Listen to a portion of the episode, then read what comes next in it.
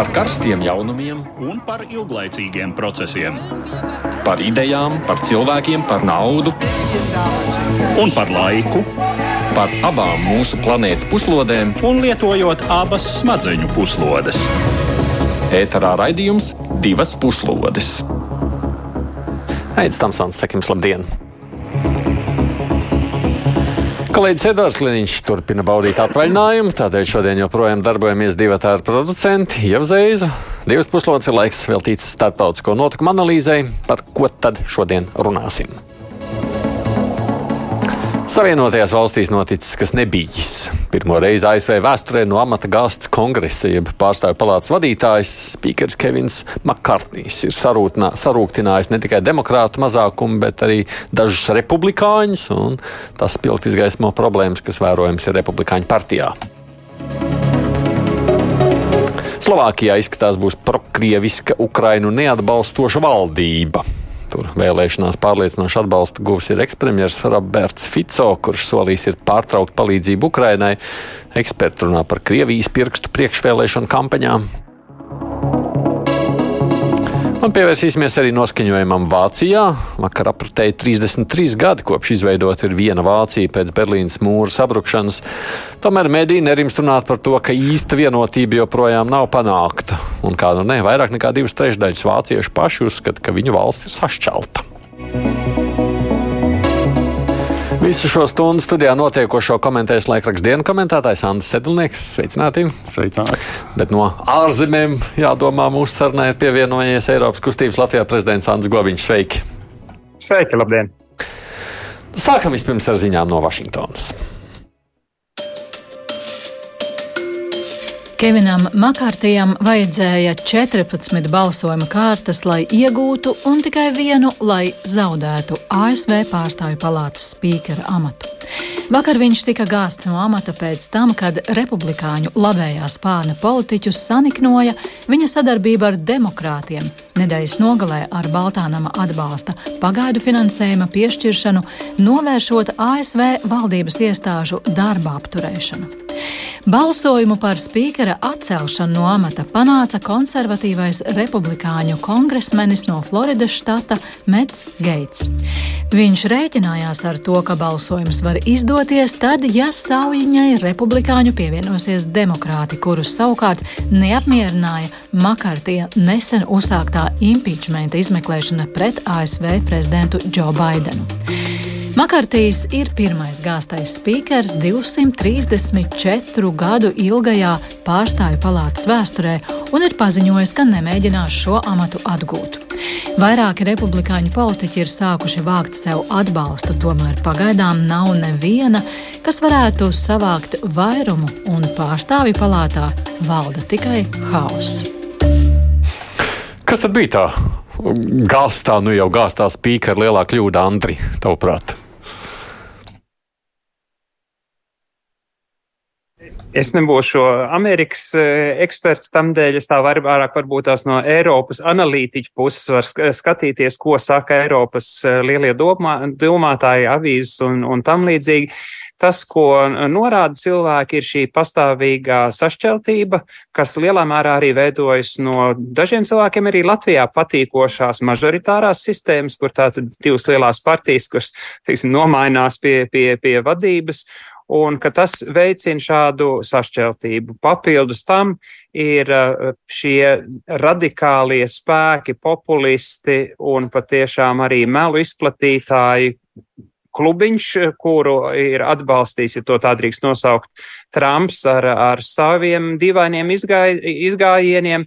Tie ir diezgan lielā skaitā ievēlēti kongresā, un uh, katrs ar savu motivāciju cenšas vai nu izdabāt saviem vēlētājiem, tagad par, par tikko esošo soli saka, ka cilvēks iespējams grib kandidēt Floridā par gubernatoru, un attiecīgi cenšas uzpulēt savu atpazīstamību. Tātad tās motivācijas var būt visdažādākās, bet šī sašķeltība ir liela. Un tam būs ļoti liela ietekme, kam, kas notiek šobrīd Amerikas Savienotās valstīs, uz visu pasauli. Ļoti lielā mērā noteikti arī uz, uz Eiropu, par to jau mēs droši vien tad arī vēl vēlāk runāsim. Īsumā Eiropai būs, nebūs cita ceļa, kā uzņemties lielāku atbildību par notikumiem pasaulē, tā skaitā arī Ukrainā, un tas jādara steidzami, jo nav tā no vienas dienas līdz otra, uz otru dienas brokastīm pātrinām militārie tēriņi un ražošana. Tam ir jāsākās, bija jau jāsākās pirms gada, nu tad es ceru, ka tagad beidzot arī Eiropas politiķi sapratīs situācijas nopietnību un ļoti aktīvi rīkosies. Andri, tavuprāt, nu kas tad tur, ko viņš izdarīja nu, nepareizi? Nu, pirmkārt, tad, lai panāktu ievēlēšanu, viņam tur nācās dot visdažādākos solījumus visdažādākajām republikāņu grupām. Ja? Tostarp arī viens no tiem tādiem fundamentāliem solījumiem bija, ka viņš, nu, kas ir republikāņu vēlētājiem tie svarīgie jautājumi, ja? saucās uh, robežu drošība, iekšējā drošība un tā teikt, viss tas ir ekonomiskie jautājumi saistībā ar visām šīm dabas katastrofām vai tehnogēnajām, kas tur notiek. Tas ir viss tas, ko mhm. ir demokrāta administrācija stipri aizlaidusi novārtā, tajā skaitā ideoloģiski iemeslu dēļ. Un viens no tiem solījumiem, acīm redzami, bija, ka, lai viņš dabūtu radikālās, nu, teiksim, es pat neteiktu radikālās, es teiktu, Trumpa atbalstītāju atbalstu, ja, ka šie jautājumi būs prioritāri. Tur sanāk apmēram tā, ka, nu, tur Viņš tur ir izlocījies vis visādi, kaut ko apsolījis, kaut ko nav izdarījis. Ja? Un tajā skaitā par to tur, eh, es sapratu, vismaz formāli un oficiāli par to klupšanas akmeni kļuva, kad viņš ir vadījis, aizvadījis sarunas ar demokrātiem par atbalsta Ukrainai atsevišķu finansējumu, kas tracinā aizvien vairāk republikāņus un lielu daļu republikāņu atbalstītāju. Jautājums ir par to, ja tu nevari atrast naudu, ko iedot Havaju salu ugunsgrēkā cietušajiem, ja, mm. tad uh, dot miljardus uh, Ukrainai, kur vairākums amerikāņu pat īsti kartē nemāk atrast. Nu, viņiem rodās likumsakarīgs jautājums. Ja. Ir dienvidu robeža, kur katru dienu ierodās 20, 30 tūkstoši nelegālo imigrantu, ja, saucās, kur nekas netiek darīts, ja, kuriem tiek tērēta milzīga nauda. Ja. Nu, nu, var sakot, problēma ir pār pārējiem. Ja. Un uh, Biedrs Makartīs gribēja būt labs visiem, beidzās viss tā kā beidzās. Un kas ir atsevišķi man teikt, nedaudz liekas interesanta ideja ASV jau par pārstāvju palātas, tāpat kā par manu senātā ir jābūt viceprezidentam, ja, bet par pārstāvju palātas eh, spīkeru var kļūt jebkurš godīgs Amerikas pilsonis. Un ir entuziasti, kas jau vēlas redzēt eh, uz laiku līdz prezidenta vēlēšanām šajā amatā Donaldu Trumpu. Ja. Un tā teikt, un Nā, citas starp... nebūtu jābūt ievēlētam senātā. Jā, nu, jā, ne, nu, kongres, tas ir pārstāvju palātā. Kongresā, kongresā, jā, un tā teikt, un principā doma nemaz nav tik nereāla, jāsaucās, jo Trumps eh, republikāņu vēlētāju vidū ir tik ļoti populārs, ka tā īsti iebilst neviens. Es, nu, tur jābūt diezgan tādam nu, pašnāvnieciski noskaņotam kongresmenim, lai tā teikt, atklāti pateikt, ka nē, es esmu kategoriski pret. Bet nu, es domāju, ka tā vairāk ir. Tas pašam Trumpam nav vajadzīgs. Bet, jā, un, ja mēs runājam par šo Ukraiņas jautājumu piesaukšanu, nu, jā, par Ukraiņu arī parunāsim. Bet realitātē, ja tu tā saki, nu, būtībā jau nu, nedrīkstēja tur gandrīz īsti ne par ko vienoties, jā, jo dažādas, dažādas puses, un tad mēģināt izlokot. Un ir jau arī demokrātiem. Nav jau tā, ka viņi tur ir. Mums nes kāpēc iedomājas, tur ir sašķeltie republikāņi, ja, un tā teikt, un briesmīgi vienotie demokrāti. Nē, demokrāti ir tieši tikpat sašķelti. Bet šoreiz nobalsoja vienoti. Nē, nu, katrs savu iemeslu dēļ. katrs savu iemeslu dēļ. Bet demokrātiem tur tāpat ir radikāli kreisie, jāsaucās, ir tur, tā teikt, ir, teiksim, kārtējā Kenedija atbalstītāja. Nu, viņš, protams, nekur nav. Viņš ir teikt, aktīvists, bet uzvārds viens Kenedijs, ja, kurš cits starpā var mierīgi norakt jebkādas demokrāta cerības nākošajās vēlēšanās. Viņam ir savs krietnes lokus atbalstītāji. Ir, jā, jā. Tā, teikt, nu, tā ir tā divu partiju problemātika, varētu sacīt, vai ne? Vienkārši mums bija tā, ka Latvijā te uz īsu brīdi ir ieradusies šobrīd arī Maršala fonda vecākā pētniece Kristīna Bērziņa, kas strādā un dzīvo Vašingtonā. Uh, bet nu, viņai tieši šī raidījuma laikā ir tāda svarīga tikšanās tikšanās, tāpēc mēs viņu studiju uzaicināt nevarējām. Viņa te tiešām pusotru dienu tikai Latvijā, bet es īsi pirms raidījuma ar viņu sarunājos un jautāju, kā tas viss izskatās pašais Savienotajās valstīs, atsakot mūsu sarunīs. Labdien, Kristīna! Labdien! Skatoties uz to, kas noticis, ir nu, būtībā Latvijā jau naktī, varētu sacīt, vai ne Amerikas Savienotās valstīs, kā tu sacītu, kas tad ir par iemeslu, kāpēc tas tā ir noticis? Ir redzama radikalizācija Amerikas politikā, īpaši labajā politikā. Ir republikāņu partijā spārns, sauc sevi par brīvības kakusu, kurš savu varu cenšas izrādīt visā republikāņu partijā, bet arī tāpēc visā Amerikas valdībā. Mm. Jau sākās Obamas laikā, kad bija tā Tējas partija jau bija tāds opozicionāls spārns republikāņu partijā, populistisks, kurš vēlās radīt priekšstatu, ka valdība nav nepieciešama, ka valsts kā tāda būtu jāsašaurina, vairāk ietekme vajag privātajam sektoram, bet valsts tēriņi principā ir pa augstu. Iesaiste globālajā, jebkurā jautājumā arī nav nepieciešama.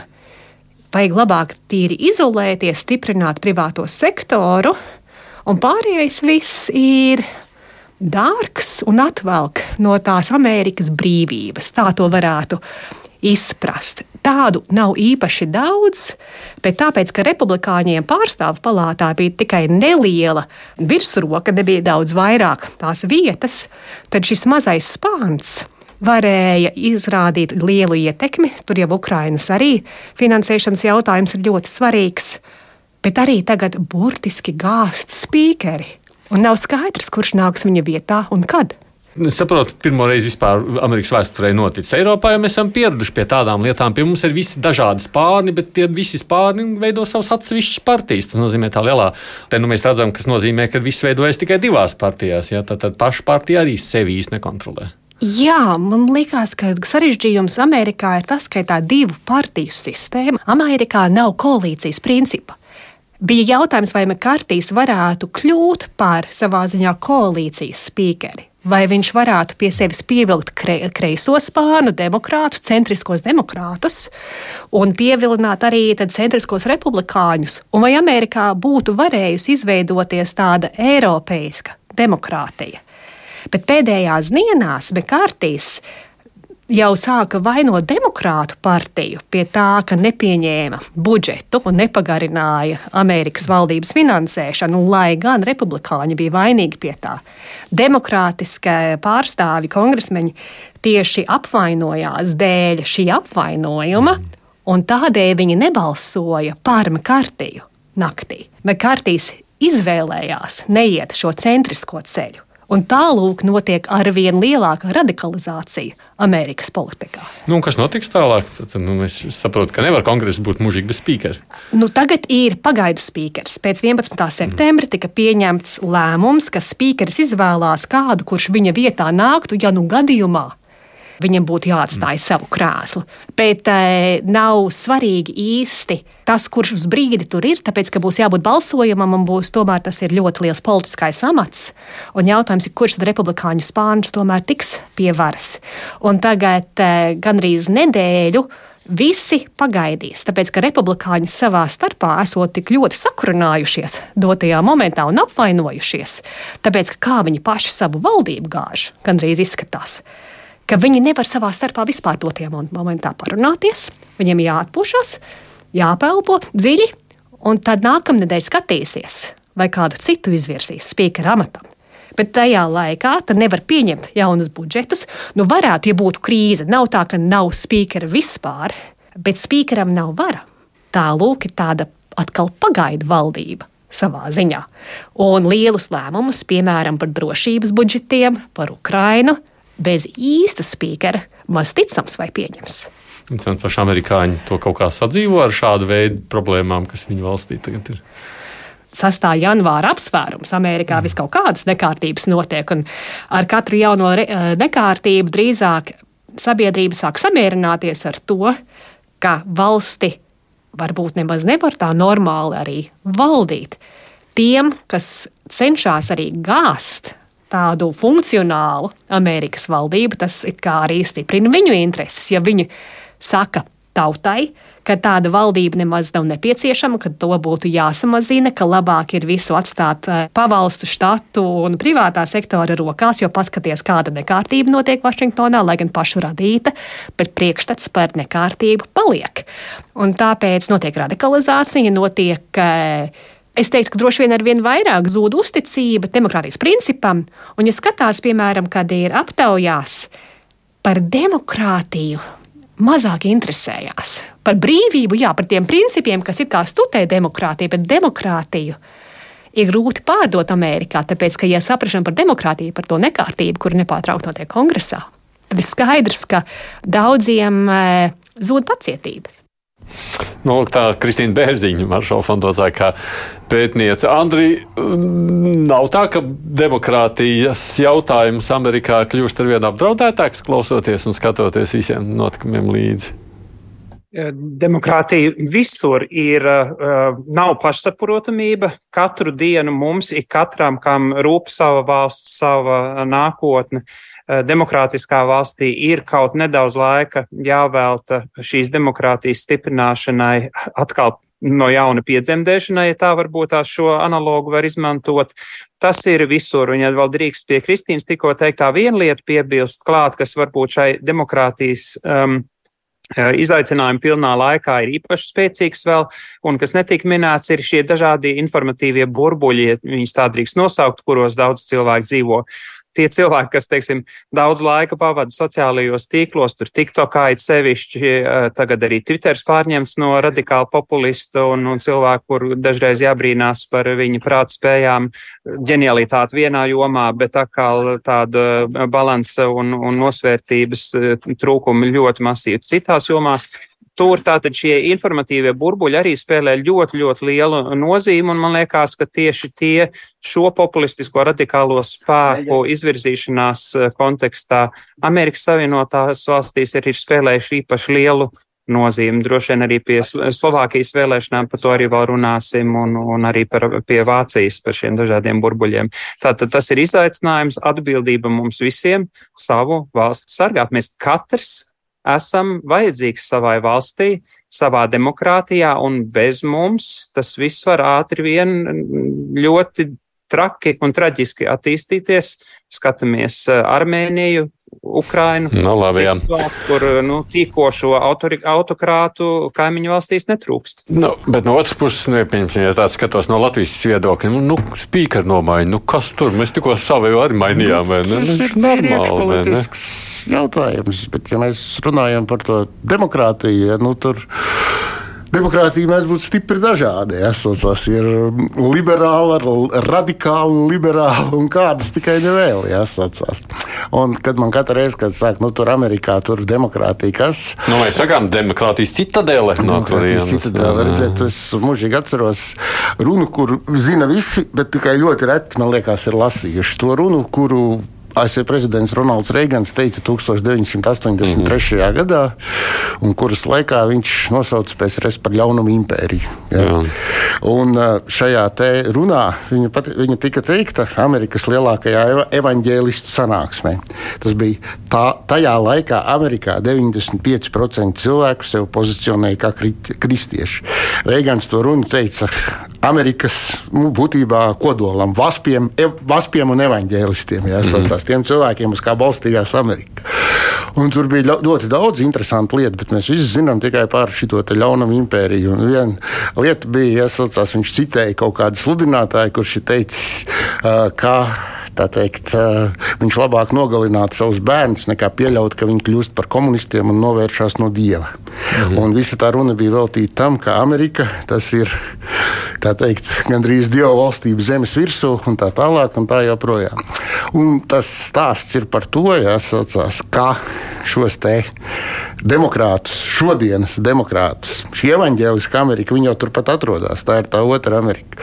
Un šos te šodienas Amerikas, šodienas uh, kreisos, ja, kreisos radikāļus, demokrātus, kur tur ņūdz, ja saucās, Ameriku lielākā daļa to saucamo evaņģēlistu vaspu asociē ar to pašu, aizvien biežāk un biežāk. Ar ko savulaik, saucās Ronalds Reigans, asociēja ļaunumu impēriju. Tas ir, nu, tāds. Nu, viens, viens otru uzkurina, jā. Jā, viens otru uzkurina. Kad saka, ka viss pie visa vainīgi tur radikālie republikāņi un ko, nē, demokrātiem ir savi radikāļi un tur jā, jā. bariem, viņi abi divi ir viens jā, bet, otru cienīgi. Bet tas nozīmē, nu, labi, no otras puses radikāļi visās valstīs, arī Eiropā visās valstīs ir radikāls Jā, vienu uz otru pusi. Tas, ir, no? tas stāsts par to, ka radi, ir radikāļi, kas kaut kur atrodas teikt, klusā maliņā, ja, saucās, un ir radikāļi. Nē, nu, viņi, protams, ir skaļi, ja, bet viņu radikālisms parasti nesniedzās tālāk par dažām vietām kaut kur. Jā, tāpēc, ka ir dažādas partijas, vai jā, ne? Un te ir divas partijas. partijas. Bet man ir tas gadījums, kad stipri radikāli noskaņot ļaudis ir spējīgi ietekmēt citu starpā. Tas sākās jau ar Clintonu, lai neviens nesaka, ka tā nebija. Kad radikāli noskaņot ļaudis ir spējīgi ietekmēt visas valsts politiku. Un tas teikt, diezgan pamatīgi grauj valsti. Pie kam tas grauj gan kā vienā, gan kā republikāņu, gan kā otrā demokrāta mm -hmm. gadījumā. Tas nav tā, ka ir tikai labie demokrāti un sliktie republikāņi vai labie republikāņi un sliktie demokrāti. Tas attiecās uz abām šīm partijām. No, nu, labi, gan jau viņi kaut kādā veidā izplēsīsies gan vienā, gan otrā. Tīpaši šajā brīdī tā lielā problēma ir republikāņu partijai tikt galā ar savu iekšējo diskur, diskursu. Bet pabeidzot šo tēmu, Andri, tu pieminēji Eiropu un vispār, jo, ko tas mums nozīmē. Nu, ko tad tu secini, ko mēs no visa šī varam nezinu, izvilkt? vairāk atbildība jāuzņemās mums pašiem. Transatlantiskās saites, NATO un tā tālāk nedod Dievu ka populists eh, Trumps eh, eh, tiek pie varas, tad nav pat droša NATO, NATO nākotnes pastāvēšana. Tas nozīmē, ka mums ar savu pieredzi, ar savām zināšanām un savu šobrīd ļoti atbildīgo rīcību, ceļšķi Ukrainas kontekstā, ir jābūt vēl aktīvākiem Eiropas līmenī, jāatgādina Vācijai par viņas atbildību par otro pasaules karu, par Hitlera-Staļina paktu, par to, ka Eiropa nebūtu dalīta un visas šīs ķāzes droši vien krietni atšķirīgi izskatītos, ja nebūtu šo divu totalitāro uh, bandītu Eiropas sadalīšana savulaik notikusi. Nu, jāatgādina, jāsauc pie sirdsapziņas un, un aktīv, vēl aktīvāk jāstrādā Eiropas uh, līmenī, nekā mēs esam to darījuši līdz šim Kariņam. Ļoti labi tas veicās, jāvēl patiešām arī jaunai ministru prezidentai ar jauno ārlietu ministru, ka tas izdotos. Nu. Droši vien, ja mēs tā runājam par Eiropu un kā veidojās situācija Eiropā, jāpiemina Slovākija. Galu galā ir īpaši kaut vai arī Ukrainas kontekstā. At, runa ir par vēlēšanu rezultātiem Slovākijā, kas nu, ārpus Slovākijas izskatās daudz ir sarūktinājuši. Slovākijas parlamenta vēlēšanu rezultāti liek atsaukt atmiņā notikumus, kas šokēja pasauli pirms mazliet vairāk nekā pieciem gadiem, kad Slovākiju pāršalca ziņa par nežēlīgu žurnālista un viņa līgavas slepkavību. Žurnālists Jānis Kuciaks bija pētījis tā brīža valdības saikni ar Itālijas mafiju un viņa slepkavība pamodināja visu sabiedrību. Cilvēki masveidā izgāja ielās, un protesti nerima līdz pat brīdim, kamēr valdība atkāpās. Tajā laikā premjerministrs bija Roberts Fico.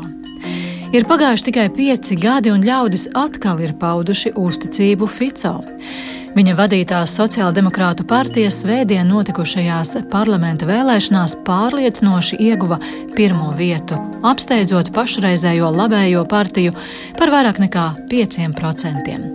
Lai gan nevienam nav dots mandāts veidot valdību bez koalīcijas partneriem, Valsts prezidente Zuzana Čaputova jau ir uzticējusi šo procesu vadīt Robertam Fico.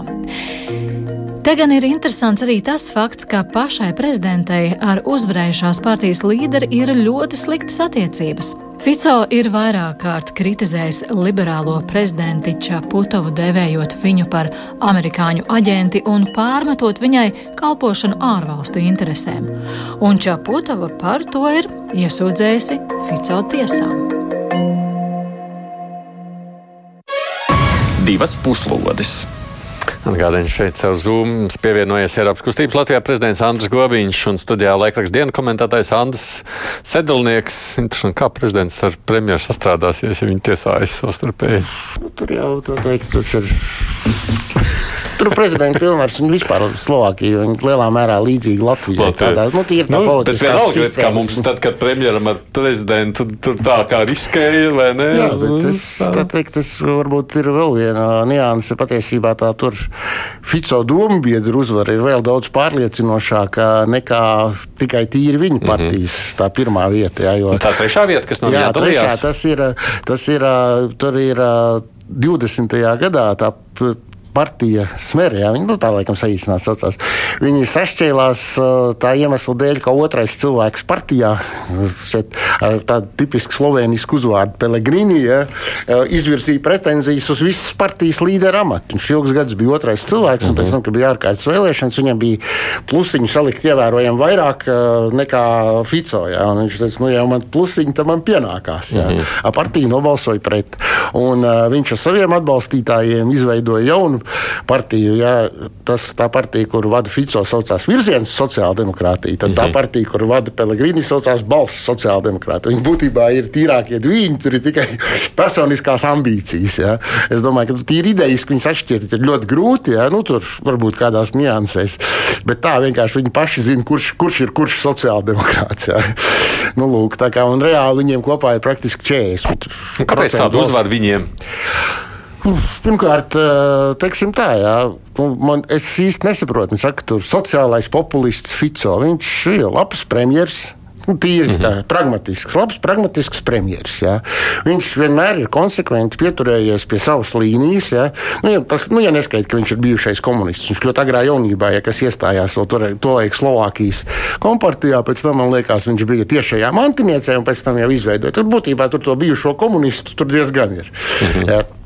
Un ir trīs jājumi. Sociālā politika, nu, tā kā labklājības valsts, nacionāla valsts ja, un tradicionāli konservatīvās vērtības. Tas viss tiek apvienots. Ja. Slovākija ir konservatīva valsts.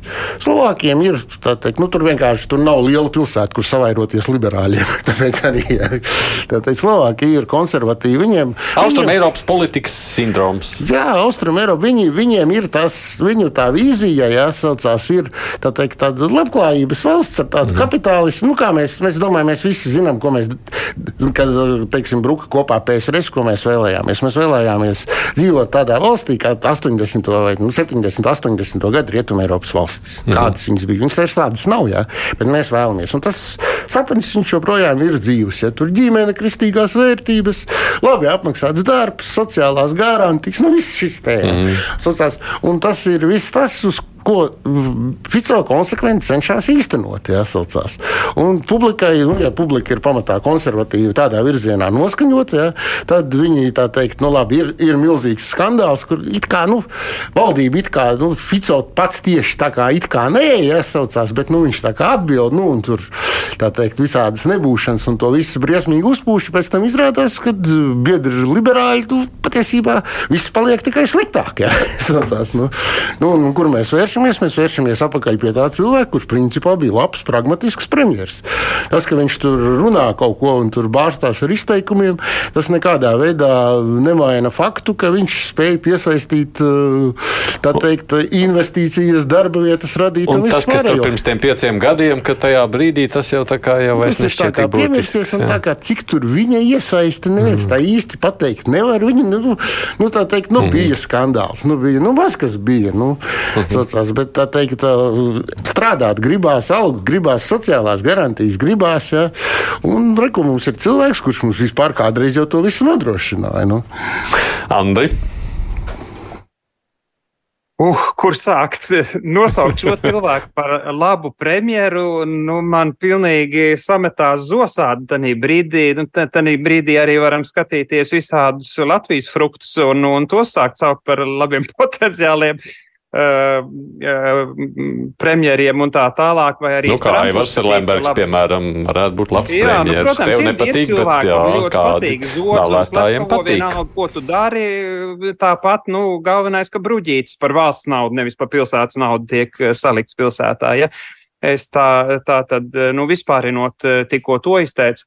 Bet, ja mēs skatāmies tad konkrētāk, man liekas diezgan svarīgi pieminēt to, ka eh, tā milzīgā uzvara, kas Fico bija, nemazām tik liela nav.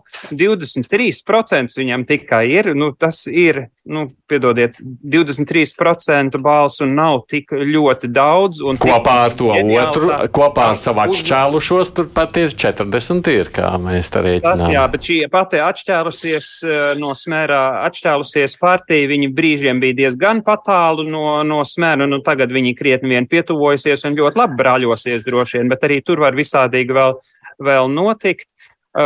Šis cilvēks ir populisms, un man liekas, arī tikko skaidrojumā jau mēs no kolēģa dzirdējām, ka tas ir sociāldemokrāts, kas grib būt konservatīvs, nu, respektīvi populistisks, es teiktu, un ar visām ļoti sliktām īpašībām, ar to, ka nesaprot, ka Slovākija bez Eiropas Savienības nav iedomājama, nav funkcionējama un tādējādi turpinot vai, vai līdzinoties eh, kaimiņu valstī Ungārijai, kas jau nu, patiešām dažādu ekspertu prāti jau tā nosacīti var tikt dēvēta demokrā, par demokrātiju, jo tur, teiksim, ne tur tiesas vairs ir, ir neatkarīgas, tur ir partiju uh, draugi ielikt ties, tie, tiesneša amatā, ja tā drīkst teikt, un, un, un kontroli pār tādu tiesu sistēmu. Tur uh, sabiedriskie mediji arī neeksistē, tur ir valsts mediji, jo ir tā, kā Orbāns grib, tas tiek stāstīts televīzijā.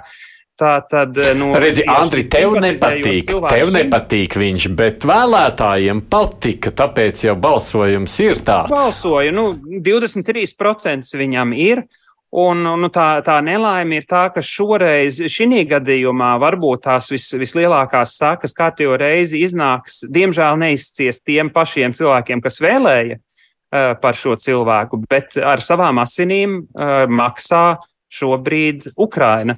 Un tā ir tā lielākā traģēdija pie tā citādāk, nu, balso kā gribi, protams, bet šī spēlēšanās ar uguni un uh, Putina mīlestība uh, ar visu no tā izrietošo Ukraiņiem, tā ir ārkārtīgi bīstama, ļoti, ļoti tuvredzīga, kaitīga Slovākijas interesēm, uh, kaitīga tieši tiem cilvēkiem, kas par viņu vēlēja. Redziet, Andi, tajā sadaļā par Ukrajinu domājot, mēs te pieminējām Ameriku tikko pirms brīža, un sakot, redz, nevar zināt, kā tur beigsies ar to atbalstu Ukrainai, jo, tu, kā tu teici, tur arī tas sentiments pamazām kļūst ar vien spēcīgāks, sakot, kāpēc mums jāpalīdz. Nu, tad mēs sakām, lūdzu, Eiropa, bet Eiropā ir tas pats. Konkrēti Slovākijas gadījumā tas arguments, nu, pirmkārt, viņš jau nekad, Ficels, viņš piepracēja, viņš nekad nav teicis, ka viņš negrib būt Eiropā. Viņš jā, par Eiropu Eiropā. viņš it kā grib būt, jā. Jā viņš grib būt, bet viņš jā. negrib būt tādā stipra liberālā jā, Eiropā. Jā, jā. Viņš grib būt nacionāla mm -hmm. valsts Eiropā. Mm -hmm. Tas ir pirmkārt, kas attiecās uz Ukrainu. Tas arguments viņš jau tā pilnīgi atklāti nav pateicis, ka mēs esam tur pret un ko, bet tā viņa nostāja tāda, jā, ka pirmkārt mēs esam viņi paši apgalvo, vismaz eh, tur, jā, ka viņi ir valsts, kas ir sniegusi Ukrainai lielāko palīdzību rēķinot uz vienu iedzīvotāju. Jā. Tā jau mēs arī sakām. Jā, nu, es nezinu, nu, viņi paši tā apgalvo. Es domāju, ka tā ir daudz var teikt, bet jebkurā gadījumā tas ir nopietni. Un jāņem vērā, ka Slovākija ir Eiropā lielākā artērijas šāviņu ražotāja un vēl tur ir ļoti attīstīta rūpniecība. Tas stāsts ir par to, par ko viņi saka, mēs esam devuši tik daudz palīdzības. Mums pašiem armijai šāviņu vairāk nav, mums armijai tanku un lidmašīnu vairāk nav. Un tas nebeidzās, un mēs vienkārši ja, mēs dodam naudu, un tas nebeidzās. Mēs neredzam, nu, vienkārši kaut, kad, kaut kādā veidā tam ir jāliek punkts. Mēs vairs nevaram savus rēķinus apmaksāt. Ja? Mums ir solīts, ka mums kaut ko dos vietā, bet tas vietā, kā to, nenāk. To sentimentu es zinu, ka tāds tas ir, bet jautājums, ko tas viss nes līdzi, kādas sekas? Nu, sekas sekas, sekas nav labas. Tas vēl, kurš saprotiet, redzēt, nu, tagad ir, ir Orbāns, būs Fico, būs parādīsies vēl kāds. Par to var nešaubīties. Ja cilvēkiem, ja, jo tālāk šī valsts Eiropā atrodas no Ukrainas, ja, ja piemēram, nu, nu, kur Maltā tas būsim godīgi iesaucās. Nu, Ukrainas liktenis Maltā, un domāju, viņš daudz tur uztrauc. Nu, es stipri šaubos. Ja. Un, ja cilvēki kāds pasaka, ka viņi šī iemesla dēļ cieš ekonomiskas problēmas. Konkrēti Slovākijā bija ļoti daudz biznesu, kas cieši sadarbojās ar Krieviju. Tur vispār tas viņa vēsturiski tā ir izveidojies, ka viņi ir bijusi ilgus gadus Krievijai vislabvēlīgāk noskaņotā valsts gandrīz vai visā reģionā. Mm. Ja? Un, teiksim, un visi šie cilvēki sankciju rezultātā ir cietuši ievērojams zaudējumus. Ja? Nu, Jautājums ir, ka tu vairs neredzi, cik ilgi tu to vari darīt, cik ilgi tu vari ciest tos zaudējumus. Nu. Bet, ja man te būtu viens iekšējs, protams, jautājums, bet skatot tas, ko tikko saka Andris, vai ne, nu, ne, ir ļoti svarīgi, ka viņš lūkojās uz no tā vēlētāja skatu punktu. Man tas, jau tāpēc arī ļoti gribu, ka viņš man nāk šeit uz divām puslodēm, lai viņš ļaut man palūkoties, nu, nu kā vēlētājs, kur, kurš tur balso, kā viņš domā un kāpēc viņš tā saka. Un no šāda skatu punkta lūkojoties, tās bažas par to, ka tas e, redzi, e, Eiropas komisijas jau tur skan tas vēstījums, jā, mūsu atbalsts Ukrainai ir nemainīgs, tas nekur nezūdīs, un mēs, kļūst, mēs esam tik vienoti kā nekad. Bet, bet, bet tās bažas par to vienotību ir. Nu, ir Andri tās bažas par to vienotību. Ir, bet arī ziņas par vienotības nāvi ir krietni vien pārāk garas. Tieši man liekas, šodien vai vakar, ja nemaldos, uh, Uh, Ungārija piekrīt kārtējiem uh, Ukrainas atbalsta uh, ši, šiem pasākumiem. Nu, tiesa, Ungārija tika nu, diezgan brutāli nopirkta e, viņu atbalsts, jo attiecīgi to pašu summu neesmu tieši tur skaitījis, bet laikam to pašu summu, ko viņi tā tad uh, iemaksā, viņi saņem vai pat ar uzviju jau saņem atpakaļ no Eiropas Savienības uh, ieturētiem maksājumiem, kurus līdz šim neizmaksāja Eiropas Savienība Ungārijai tieši šo dažādo tiesiskumu un antidemokrātisko uh, rīcību dēļ. Tātad nu, tādā veidā šī vienotība, nu, tiesa, ne īpaši elegantā, tādā veidā, kas man nepatīk, eh, tika panākta, bet tika panākta. Un es ticu, ka arī nu, polijas vēlēšanas, nu, mums vispār ir vēlēšana laiks šobrīd. Polijas vēlēšanas pēc laikam desmit dienām, nākamā gadā tātad Amerikas Savienoto valstu vēlēšanas, tāpēc tur viss šīs eh, ķēzes ir vēl spēcīgāks. Apvienotā karalistē vēlēšanas, Eiropas Savienībā ir vēlēšanas, Eiropas parlamenta vēlēšanas, mums ir pavasarī, Indijā vēlēšanas tādājādi. Nu, viss šis pirms vēlēšana laiks ir tāds nu, nemierīgāks. Jā, labs indikators. Kāpēc es pabeidzot šo tēmu, gribēju tev jautāt, Ja tu vari man paskaidrot, kā tas tā nāks, ka lūk, mēs jau arī esam, nu kā mūsu labklājība no Krievijas, man liekas, ir bijis ne mazāk kā Slovākiem vai Ungāriem vai Poļiem, ja ne lielāka vai ne. Kāpēc tas sentiments, nu, lūk, Latvijā, Lietuvā, Igaunijā izveidojas citāds nekā kopā izskatās vienā daļā no Austrumēropas bloka? Nu, teiksim, Slovākijai vēsturiski nu, pēc, uh, ir izveidojies tā, ka uh, viņi savā ziņā daudz ir. Nu, tur ir Jozefa Tiso, tāda nu, pronacistiskā valsts, kas bija ja, tur Slovāka nacionālā sacelšanās, uh, padomju savienība, kas viņiem šķiņķoja krietnu gabalu Slovāku zemi no Ungārijas. Nu, tur ir vēsturiski viņiem nekādu pretenziju. Ja, nu, tādu. Ne, ir, protams, konkrēti cilvēki un tā tālāk, bet tā kā kopumam, ja viņiem nekādu pretenziju pret Krieviju īsti nav. Un arī tas tas ekonomiski... 68. gads Čehoslovākijā. Nu, vairāk Prāga, jā. jā, bet tas uz viņiem tā kā stipri mazāk. Un tur ir, tur ir, mm. un tur, teiksim, tās simpātijas, es, teiksim, ja paskatās kaut kādas iepriekšējo gadu, kaut kādas aptaujas par to, kur ir tās simpātijas, jā, tad Slovākija nemainīgi ir Krievijai visvairāk simpatizējošā valsts. Tas ir interesanti. Eiropas fakts, Savienībā. Jā. Jā. Viņi tīri vēsturiski tā ir izveidojies. Un, nu, ir tas, ko klāt nēsošais kolēģis Edvards eh, atgādināja tādu vārdu gulāša sociālisms. Ja? Pie viņiem tas gulāša sociālisms bija, nu, lai arī tā bija Čehoslovākijas daļa, ja? bet viņi būtībā bija savu parlamentu, savu ļoti, ļoti lielu autonomiju. Būtībā tās bija divas daļas, būtībā federācija, ja? tāpēc viņi 93. gadā tā, bez kādām problēmām varēja sadalīties. Ja? Un viņiem tas gulāša sociālisms un tā labklājība tur kaut kā tā tas viss, tas viss tā izveidojās, un viņiem tas tā ir saglabājies. Vienkārši vienkārši. Nu. Andrēs nevar nociesties protestējot. Pats atkal, kur sākt? Eh, labrīt, nebija nevienam Slovākijā pretenzija pret komunismu, pret eh, Krieviju. Kaut kā jūs laikam drusku vēlreiz pa daudz esat palasījis tās Krievijas vēstures grāmatas, varētu palasīt tās, kas ir, nu, atbilst realitātei, un, un tad arī, man liekas, šādi komentāri. Kāds tad tavs skaidrojums, kā, kāds tavs skaidrojums, tad kāpēc Slovāki ir tik ļoti nu, prokrieviski? Slovāki nav prokrieviski. Ir, šobrīd ir 23% balsu ir iegūst prokrievisks uh, ministru prezidenta kandidāts. Tā ir, tas ir viens grupējums, labi, viņš visticamāk veidos uh, ministru kabinetu, bet to vispārināt ir nepareizi.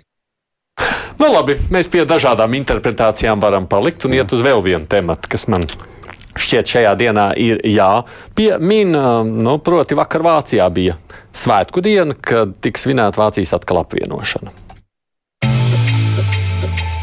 1999. gada 3. oktobrī pasaules kartē kļuva par vienu valsti mazāk. Pēc kara sadalītā Vācija atkal apvienojās. Protams, visa pamatā bija Padomju Savienības vājums un drīz vien sekojošais sabrukums, taču pašā Vācijā tobrīd valdīja milzīgs emocionāls pacēlums. Padomju ietekmē esošās Austrumvācijas iedzīvotāji ar neslēptām ilgām raudzījās rietumu virzienā, un perspektīva kļūt par vienu valsti izraisīja varanu sajūsmu. Nākamo gadu laikā padomju sistēmai sabrūkot arī citās austrumu bloka valstīs, daudzi uz vāciešiem raudzījās ar lielu skaudību jo viņiem šķietami nebija jāaiziet cauri tai ekonomiskai krīzei un bedrei, ko piedzīvoja citi Austrum Eiropā. Vāciešiem finansiālās iespējas bija krietni lielākas. Tomēr tagad, paiet vairāk nekā 30 gadiem, jāatzīst, ka ne viss ir bijis tik skaisti, kā izskatījās no ārpuses. Joprojām Austrumvācijā ir mazākas algas, grūtāk atrast labu darbu, turklāt austrumvācieši joprojām sūdzas, ka izjūt zināmu vecākā brāļa attieksmi no rietumu tautiešiem. Lai arī redzami jebkādas barjeras, kas sadalīja Vāciju, vairs nav atrodamas, realitātē paši vācieši jūtas sašķelti. Turklāt, kā rāda aptauju dati, ja bijušajā Rietumvācijā tie ir 60% iedzīvotāju, tad Austrumvācijā 70% vāciešu uzskata, ka viņu valsts ir sašķelta. Andra, kāpēc ir tāda sašķeltības sajūta vāciešiem? Tieši saistībā ar apvienošanās dienu bija dažādi pētījumi, un tā sašķeltība šobrīd, pēc tiem 30 gadiem, statistikās parādās ne tik dikti vairs austrumi, rietumi, parādās vairāk bagātākie, tie, kuriem varbūt finansiālā ziņā nav gluži tik eh, plaši iztik, iztik, iztiks līdzekļi. Tātad sociālā taisnīguma tematikas parādās un ko daudz cilvēku uzsver kā, kā svarīgi. Un, un arī paudžu eh, dažāda eh, šīs atšķirības starp vecākiem un jaunākiem, kur jaunie ir ļoti līdzīgi arī mūsu jaunajiem, kas ir nu, ļoti eiropeiski, atvērti, iekļaujoši, domājoši, protams, ar atsevišķiem izņēmumiem, un uh, vecākā paudzē tur atkal ir diezgan atšķirīgas šīs domāšanas. Varbūt tas, ko, uz ko jūs mērķējāt jautājumā par, par šiem austrumiem un, un rietumiem, tur var būt, uh, jā, nu, ja skatāmies un šo tematiku vēl gribam pāranalizēt, tad ir tas, ka Rietumvācijā varbūt viens otrs saka, nu, tur Austrumvācija ir nepateicīga, mēs viņiem samaksājām visu šo, šo komunistu nodarīto vaiprātu uz, uzcēlām sakarīgu šo attiecīgu federālo zemju ekonomisko līmeni, viņi ir nepateicīgi, viņi tur vēlē par radikāliem spēkiem. Savukārt Austrumvācijā atkal, ko, ko dzird viens otrs, varbūt šis vecākā gadgājuma cilvēks, kas saka, ka nu, mēs esam nesaprasti, nenovērtēti, savā ziņā aizmirsti varbūt tās, kur, kur nu, viss tās nu, transformācijas šoks to var nosaukt, nu, visas tās pārmaiņas, kas, kas bija jāiziet no, no pilnīgi nesi, nes, nefunkcionējošās eh, komunistiskās, socialistiskās sistēmas uz normālu demokrātiju un, un tirgus ekonomiku, tas katram individuāli, protams, bija saistīts ar ļoti smagām pārmaiņām.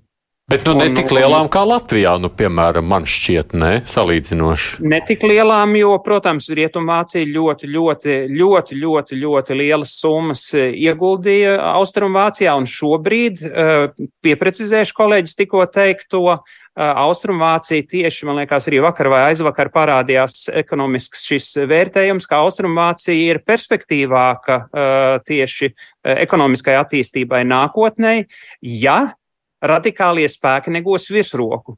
Tur šis politiskais pēkšņi kļūst arī par ekonomisku lielumu, Tā tad gan, uh, gan teiksim, enerģijas ražošanas ziņā, gan arī uh, inovāciju ziņā, kur ir ļoti, ļoti daudz šie rietumvācu līdzekļi ieplūduši Austrumvācijā, ir radījuši tādu vidi, kas var šobrīd ideāli attīstīties un veidoties, ja nu paši Austrumvācijā dzīvojošie cilvēki, tur jau arī šobrīd diezgan daudz arī no Rietumvācijas dzīvo, un, un teiksim, šī sajaukšanās sabiedrībā notiek pilnīgi dabīgi, ja viņi paši sev neiešaus kājā un, un nes, ne, ne, nevēlēs lielās uh, lielā skaitā par no, radikālo šo alternatīvu für Deutschland, kas ir nu, tāda galēji labējais spēks, antieiropeisks, mm -hmm. nacionalistisks un, un populistisks arī. Bet, redz, 33 gadi paiet, mēs vēl runājam par perspektīvu. Tiem austrumvāciešiem, man te, tavuprāt, bija pārāk liels gaidas. Tas ir apmēram tas pats, kas, saprotiet, nu, 50 gadi vienā sistēmā ir jāsaucās, un sabiedrībā viņai kļūst savādāk. Nu, viņai ir citas gaidas, citi mērķi, citas vērtības. Ja, nu, tā ir viena tauta, jā, bet nu, tās gaidas, vērtības un kas viņas ir citas. Jā, viņas ir tas, mm -hmm. nu, tas, mhm. tā teikt, un tu radi vienu priekšstatu par to, kur tu nonāksi. Nu, tu nonāksi tur labklājības valstī, kur tā teikt, ģimene, baznīca, ja saucās cip, a tu nonāc valstī, ja tur liberālis un migranti, ja nu, viss šitādas būšanas, un tas daudziem rada pat lielāku šoku, ja saucās, nekā tas fakts, ka tā sociālā nevienlīdzība, ka viņa tomēr ir jūtama, ja, un tas arī ir tas iemesls, kāpēc, jā, viņi atbalsta alternatīvu Vācijai daudz, viņi kreisos atbalsta.